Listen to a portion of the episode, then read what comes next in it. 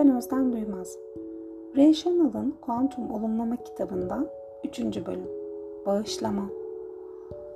Kimse bana kötülük yapamaz ve beni üzemez. Çünkü her şeyi ben seçiyorum. Bağışlıyor ve bırakıyorum. Anlıyor ve biliyorum. Kendi hayatımın yaratıcısıyım. Seçerek, planlayarak bu yaşamımı ve birlikte olacağım yol arkadaşlarımı seçtim. Annemi, babamı ve diğerlerini. Benim için en faydalı sonuçları almak üzere ince planlar yaptım. Yüksek benlik düzeyinde en uygun araçları yarattım. Benim hayat amacıma en uygun kişileri. Daha çok anlayış, daha çok bilgelik, daha çok sevgi, ifade ve özgürlük için. Bu amaç bilinçaltımın derinliklerinde benim onu keşfetmemi bekliyor. Her an, her deneyim bu planı açığa çıkaran bir kurgu aslında. Zafiyetimi gücü, güce, acıyı sevince, yenilgiyi yengeye dönüştürmek için. Anlıyor, bağışlıyor ve teşekkür ediyorum.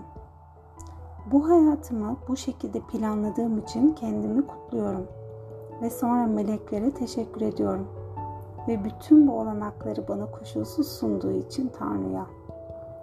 Bana sevgisini sunmayanlar, içimdeki sevgiyi, beni onaylamayanlar kendimi keşfetmeyi, beni anlamayanlar ifade gücümü artırmak için benimleydiler. Onlara teşekkür ediyorum. Bu rolü onlara ben vermiştim.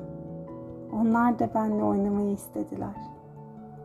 Beni üzen, beni yoran, bana haksızlık eden, beni aldatan insanlar yapabileceklerinin en iyisini yaptılar.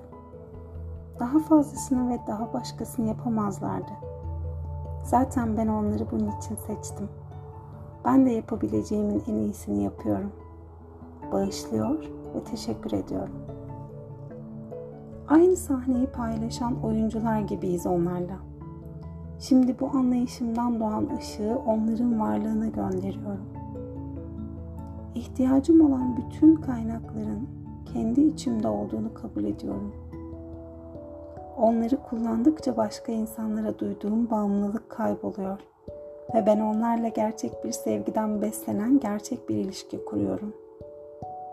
Hayatımın efendisi olduğumu biliyorum. Mutluluğu, kendimi ifade etmeyi seçiyorum. Her düşüncemin, her davranışımın hayatıma şekil veren araçlar olduğunu bilerek yaşıyorum. Hayatımla inançlarım arasındaki birebir ilişkiyi biliyorum. Bu yüzden dikkatli, özenli ve düşünerek yaşıyorum. Konuşurken yaratıyorum ve eylem halinde gelecek şekilleniyor.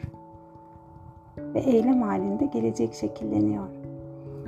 Beni güçsüz bırakan ve sınırlandıran bütün inançlarımı bir bir değiştiriyorum.